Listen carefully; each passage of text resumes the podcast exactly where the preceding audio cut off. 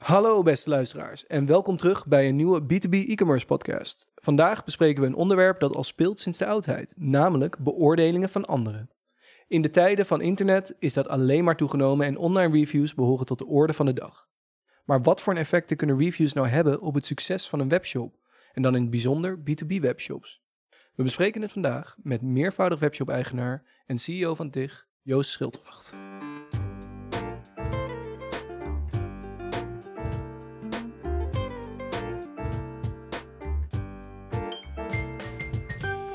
Welkom Joost, leuk dat je er weer bent. Vandaag dus een interessant onderwerp en ik noemde het net al even kort in de intro waarom jij hier de geschikte persoon voor bent om je mening over te ventileren, om te laten horen wat jij van reviews vindt. Dus om maar gelijk even het startschot te geven. Hoe belangrijk vind jij reviews bij de, ja, voor webshops? Zeer goede vraag, omdat reviews een belangrijk onderdeel vormen van een, uh, van een webwinkel. Als je kijkt naar de conversie. Uh, dus uh, als jij een webwinkel hebt, dan kan ik je aanraden om daar reviews op te plaatsen. En dan zijn daar verschillende varianten van. Een review kan ook zijn een stukje een uitspraak van een klant die je plaatst. Uh, want de meeste mensen denken dan gelijk aan een review systeem met sterretjes geven en een antwoord. Dat, natuurlijk kan dat ook. Maar dan uh, heb je een stukje techniek nodig. En je hebt ook best wel wat reviews nodig om een aardig beeld te kunnen vormen van, van je product dat je, of service dat je verkoopt. Maar ja, dat je iets met reviews uh, zou moeten willen doen, ja, daar ben ik wel uh, zeker van. Als je kijkt naar B2B, dat is misschien nog wel een interessante vraag.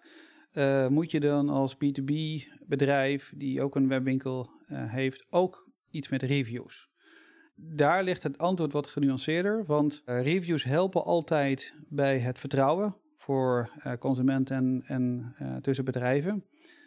maar voor B2B bedrijven ga je vaak voor een lange termijn relatie. En dan kijk je ook vooral naar de certificaten, bijvoorbeeld bij een product of bij een service, als allereerste. En dan helpt een review systeem of reviews helpen in het vertrouwen om uh, snelle zaken te doen. Maar het is niet zo essentieel als voor een, B2C webwinkel. Oké, helder. Nou gaan we gelijk al heel erg de diepte in. Um, wat je gelijk zei in het begin, dus je noemde nou, dat je een soort van social proving eigenlijk op de website doet van klanten. Dus, dus aangeven dat ze tevreden zijn erover. Maar als ik dan even zelf kijk, hè, want we noemen net B2C en B2B. Als ik even denk aan een normale B2C webshop, dan is het eerste wat je ziet, zijn er gewoon de producten. En dan voor een hele lange reeks. Zie je dat dan voor je dat je gelijk het eerste wat je ziet op de pagina een soort van uh, bewijsdrang ziet van andere klanten. Dat zeggen, ik ben zo tevreden over wat ik hier zie. Of hoe zie je dat dan voor je als we aan een webshop denken? Waar, waar komt dat dan terug? Ja, nou, er zijn twee dingen. Je hebt eigenlijk reviews over de shop als geheel. Dus mm -hmm. uh, hoe tevreden was je met de klantbeleving, dus hoe snel is iets geleverd. Nou, um, daar zijn plekken voor waar je dat het beste kan plaatsen. Binnen je, je pagina. En dan is het natuurlijk afhankelijk van waar de klant zich bevindt. Voor de B2C-markt kan je dat ook relatief makkelijk AB testen. Dus wat is voor jouw markt de beste plek om die, uh, je store review te plaatsen? Maar daarnaast heb je ook je productreviews. En je productreviews gaat meer over de producten die je verkoopt. Daarbij uh, is het dan gebruikelijk dat je een bepaalde waardering kan meegeven en pluspunten en negatieve punten. Maar ja, het nadeel daarvan is dat je daar ook weer meer tijd zelf mee kwijt bent omdat de reviews uh, vanuit een, uh, voor een store vaak worden gedaan door een ja, third party. Uh, dus derde partijen zoals Trustpilot. En zo zijn er heel veel partijen die voor jou de reviews bij de klanten vragen. Om zo niet gebiased te worden, zeg maar. maar dat, is dus een, dat zijn twee verschillende dingen. En je kan er ook op twee verschillende manieren mee omgaan. Je hebt dus twee varianten, hè? maar het, het heeft natuurlijk op allebei, allebei zijn eigen manier, zijn eigen effect. Als jij nou van één, tussen twee, één van de twee moet kiezen voor een webshop, wat, wat denk je dan dat het handigste is om, uh, om eigenlijk je conversie omhoog te gooien als je een webshop bent die wel draait, je verkoopt wel wat, maar je wil eigenlijk je conversie verhogen? Zou dan een, een dergelijke third-party review uh, meer helpen of echt een, een klantbeschrijving van hoe ze tevreden zij zijn? Je, je hebt zeg maar een, de externe partij die namens jou vragen over hoe was de ervaring met jou als webwinkel. Dat is eigenlijk onderdeel 1. Uh, en het tweede onderdeel is, zijn eigenlijk de reviews die je hebt bij de producten. En nou was jouw vraag volgens mij van als je moet kiezen welke van die twee zou je er moeten kiezen? En dan is mijn vraag, waarom, moet je, waarom zou je moeten kiezen? Want beide uh, dienen verschillende doelen. De reviews door de third parties, dat, dat draagt bij aan betrouwbaarheid, omdat dan extern is gevalideerd dat jij een goede beleving geeft en dat klanten tevreden over je zijn. En de reviews die je laat plaatsen bij jouw producten, dat zegt iets meer over, ja, over een match is en of ook de, de problemen waar eventueel een klant mee zit, of dat ook uh, van toepassing is op de klant die ook dat product wellicht zoekt. Maar in ieder geval, het zijn twee verschillende doelen eigenlijk, dat, dat wou ik zeggen. Het is heel goed om beide te doen, alleen in het ene geval kan je het meer outsourcen. Maar het kost je geld. Dus dat is de, de, de reviews door een externe over jouw shopbeleving en de afhandeling van, uh, van iets. Dus dat is makkelijk. Dat kost je zelf wat minder tijd. Alleen kost je wel vaak maandelijks een, een bedrag. En het andere is dat de reviews die worden achtergelaten bij een bepaald product, dat moet je wel zelf modereren. Ja, en dat kost je dus tijd. Uh, je, ja, je zou dat uh, moeten willen omdat het heel belangrijk is. En uh, mensen vinden het heel belangrijk om te weten wat anderen vinden van het product dat je aanbiedt.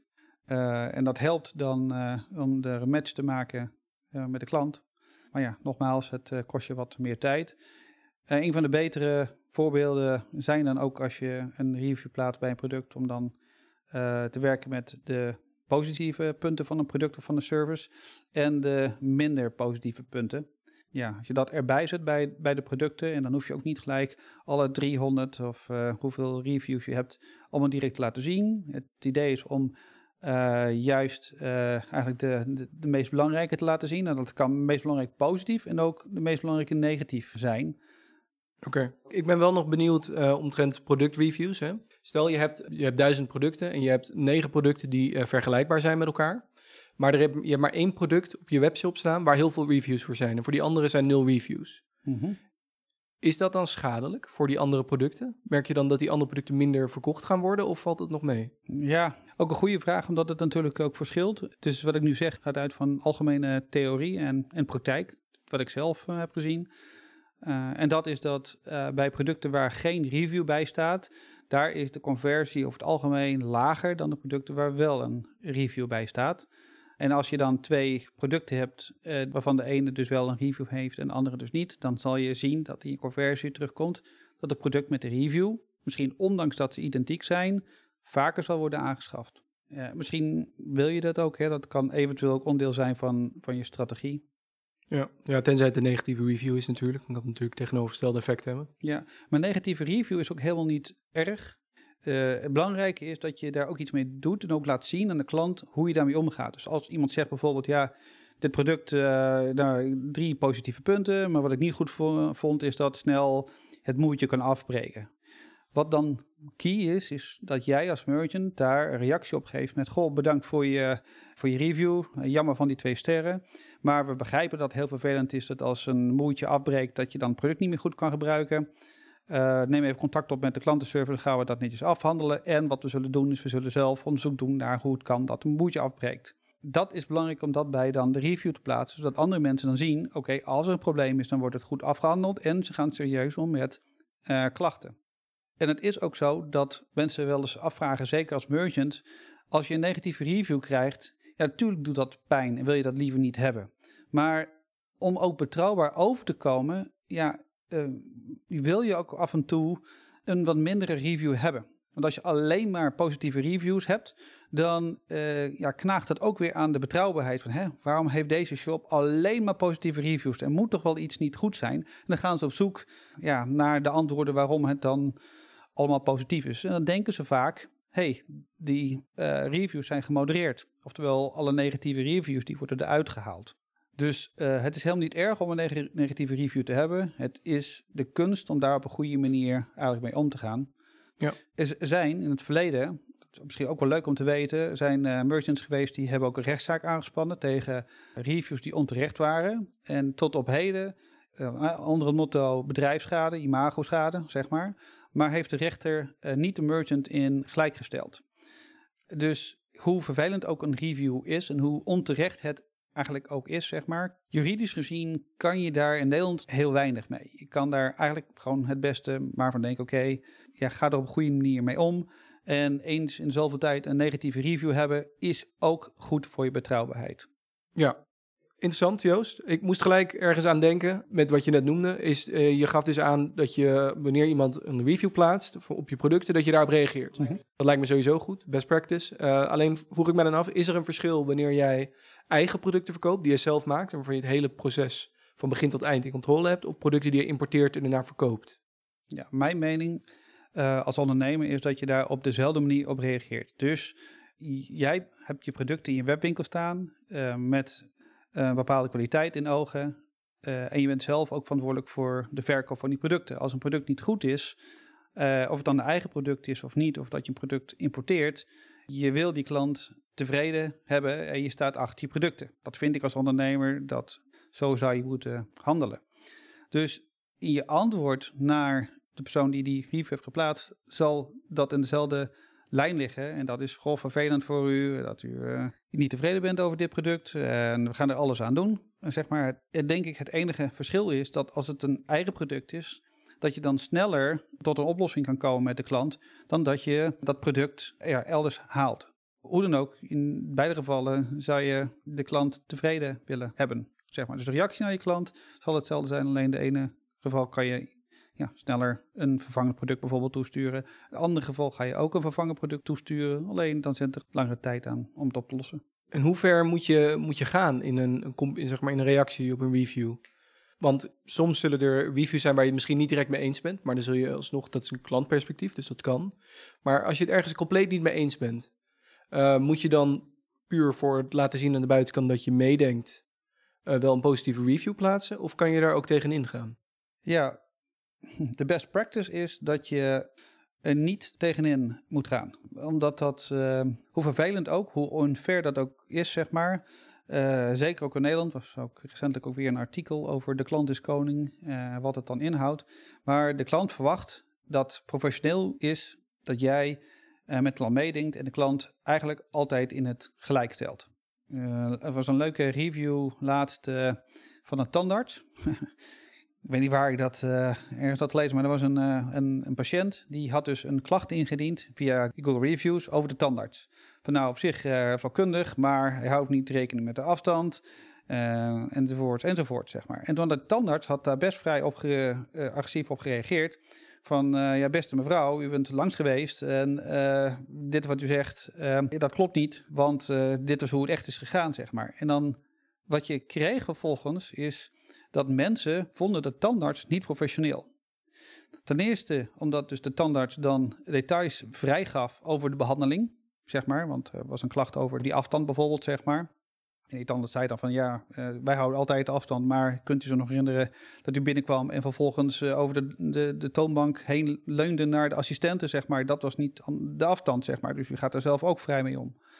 Maar de reactie is dus dat men vond de tandarts niet professioneel. De tandarts had misschien helemaal gelijk, maar het publiek vond dat niet ver. Dus jij moet ook als uh, merchant zijnde, tenminste moet, mijn mening is dat je als merchant zijnde ook de uh, reviews die onterecht zijn, dat je daar ook professioneel mee omgaat en dus het oplost of probeert op te lossen met de klant en dat uitstraalt, ook al vind je dat de klant totaal niet ja, fair is.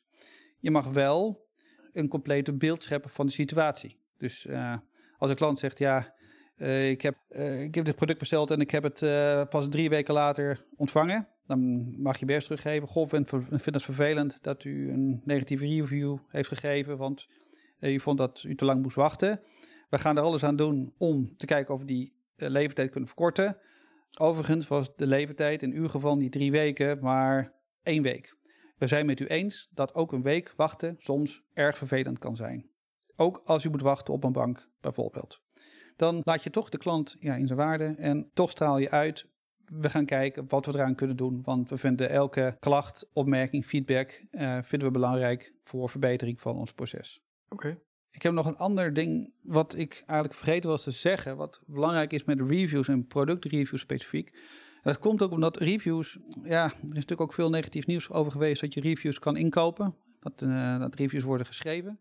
Waar men nu op zoek naar is, zijn naar productreviews, waar ook foto's bij worden geplaatst van, vanuit de klant, die het dan ook in gebruik heeft. Als je dat doet, dat versterkt enorm het vertrouwen in de reviews. Dus vraag aan klanten of ze een foto of systeem om een foto te uploaden van het product dat ze hebben gebruikt. En bijvoorbeeld ook, ook in de negatieve situatie, als een moertje is afgebroken, vraag dan om de productfoto toe te voegen. Zodat mensen gelijk een heel beeld hebben. Oh ja, ik zie het al inderdaad. Ja, dat is lastig. Of ja, dat moertje is afgebroken. Maar het rest van het product werkt nog, zeg maar. Ik vind dat ook niet goed. Maar voor mij zou het niet het tegenhouden om het product alsnog aan te schaffen.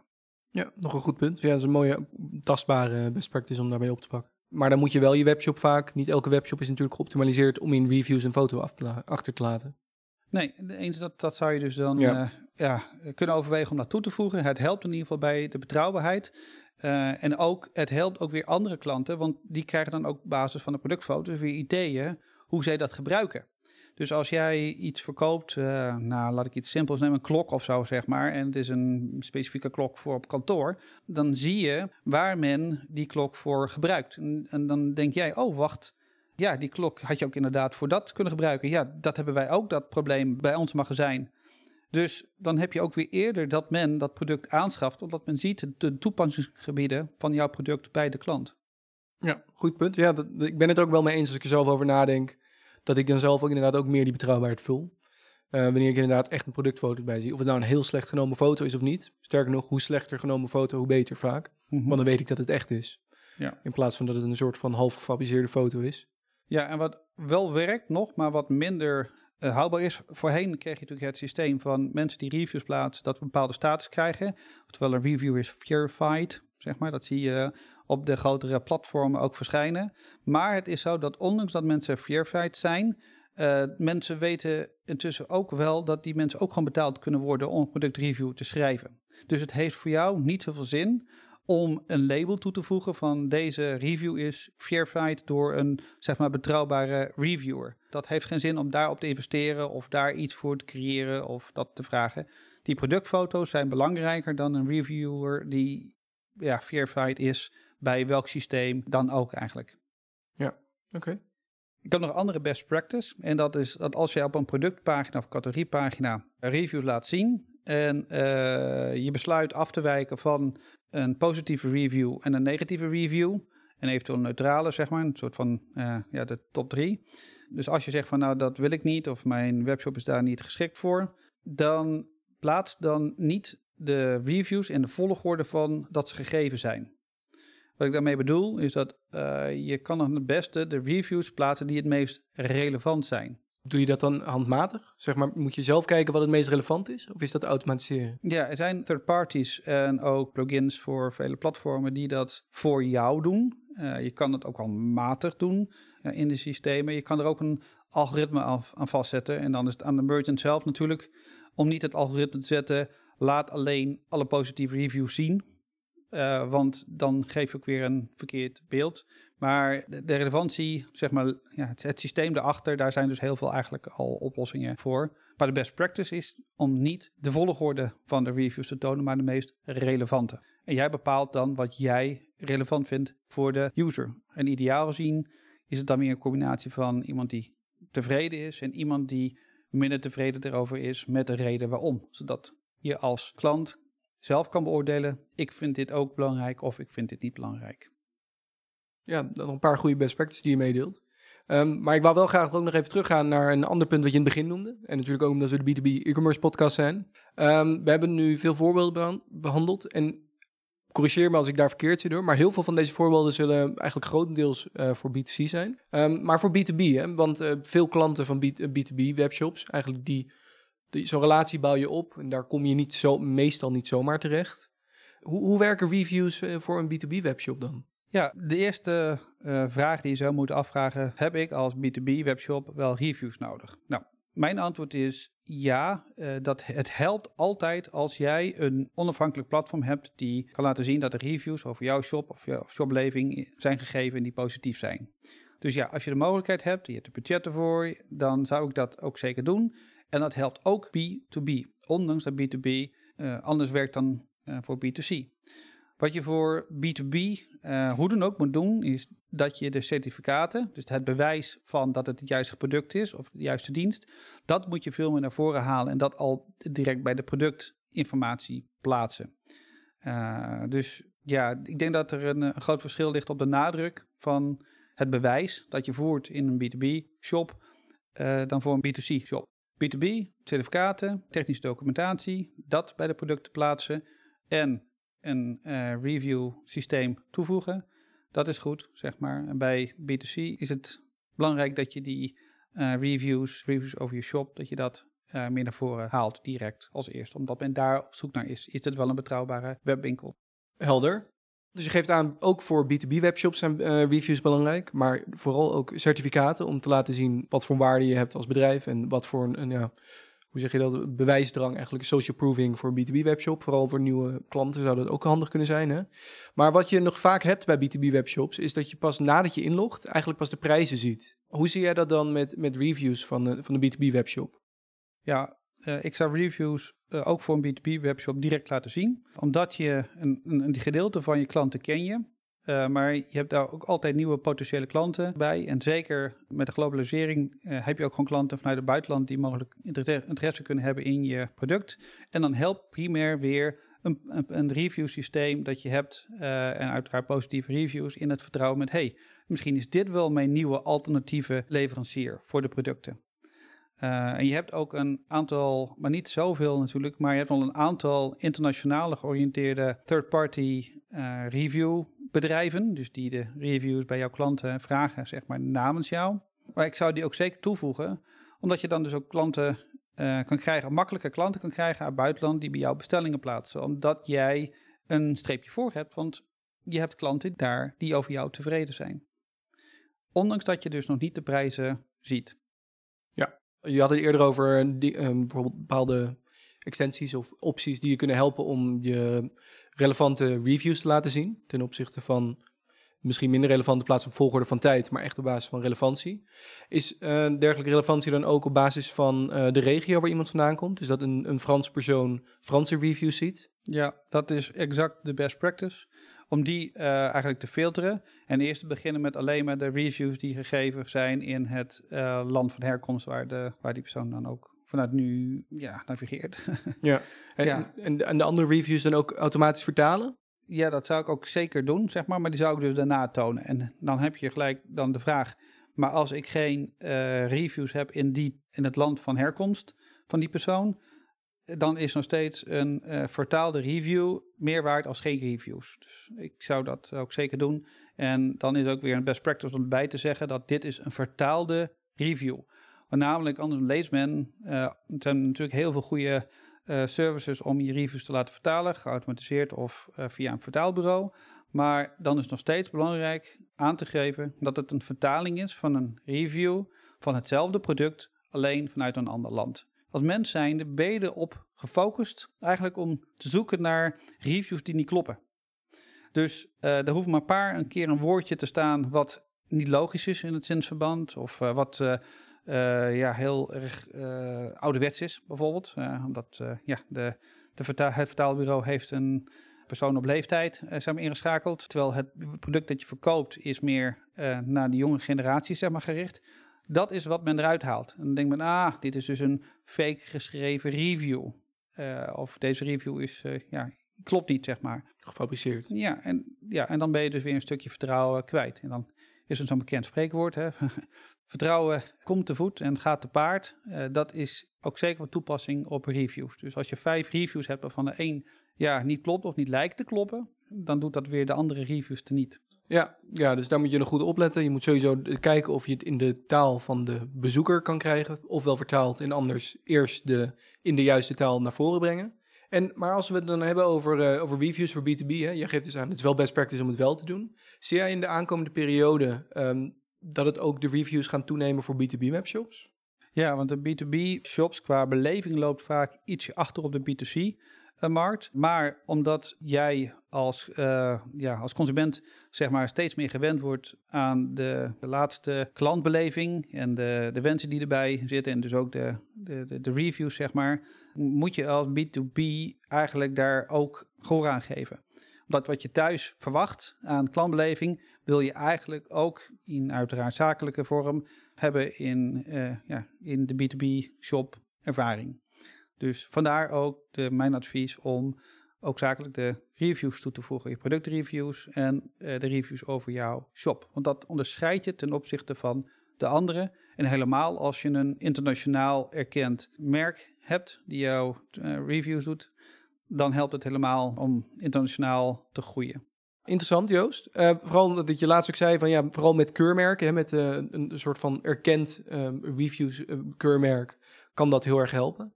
Maar zijn daar ook specifieke voorbeelden van die de B2B-markt kan gebruiken? ja, Trusted Shops is er een van die je kan gebruiken, die ook een internationaal karakter heeft. Die zou je geval kunnen toevoegen. Punt, ja, je kan ook in dat land waar je opereert, kan je natuurlijk ook gebruik maken van de lokale B2C meer georiënteerde keurmerken. Dat kan, dat helpt ook. Zeg maar, je moet alleen ja, kijken of je niet heel veel kwijt bent aan al die verschillende trust systemen, zeg maar. Ja. want ja, elke service kost ook weer wat geld. Um, nou Joost, dat waren heel veel punten omtrent reviews. Uh, ik denk dat het hele interessante punten zijn waar naar gekeken kan worden. Ik zelf dacht eigenlijk voornamelijk aan B2C bij reviews. Maar zoals je zelf aangeeft, zijn er dus ook mooie kansen. En vooral misschien in de nabije toekomst gaat het steeds meer spelen om ook voor B2B reviews te hebben en keurmerken om erkend over te komen. Dus ik denk uh, dat de luisteraars er wel wat mee kunnen. Dus dankjewel voor alle inzichten. Dank voor het luisteren. Elke week publiceren wij een nieuwe B2B e-commerce podcast op onder andere Spotify, Apple Podcast en Google Podcast.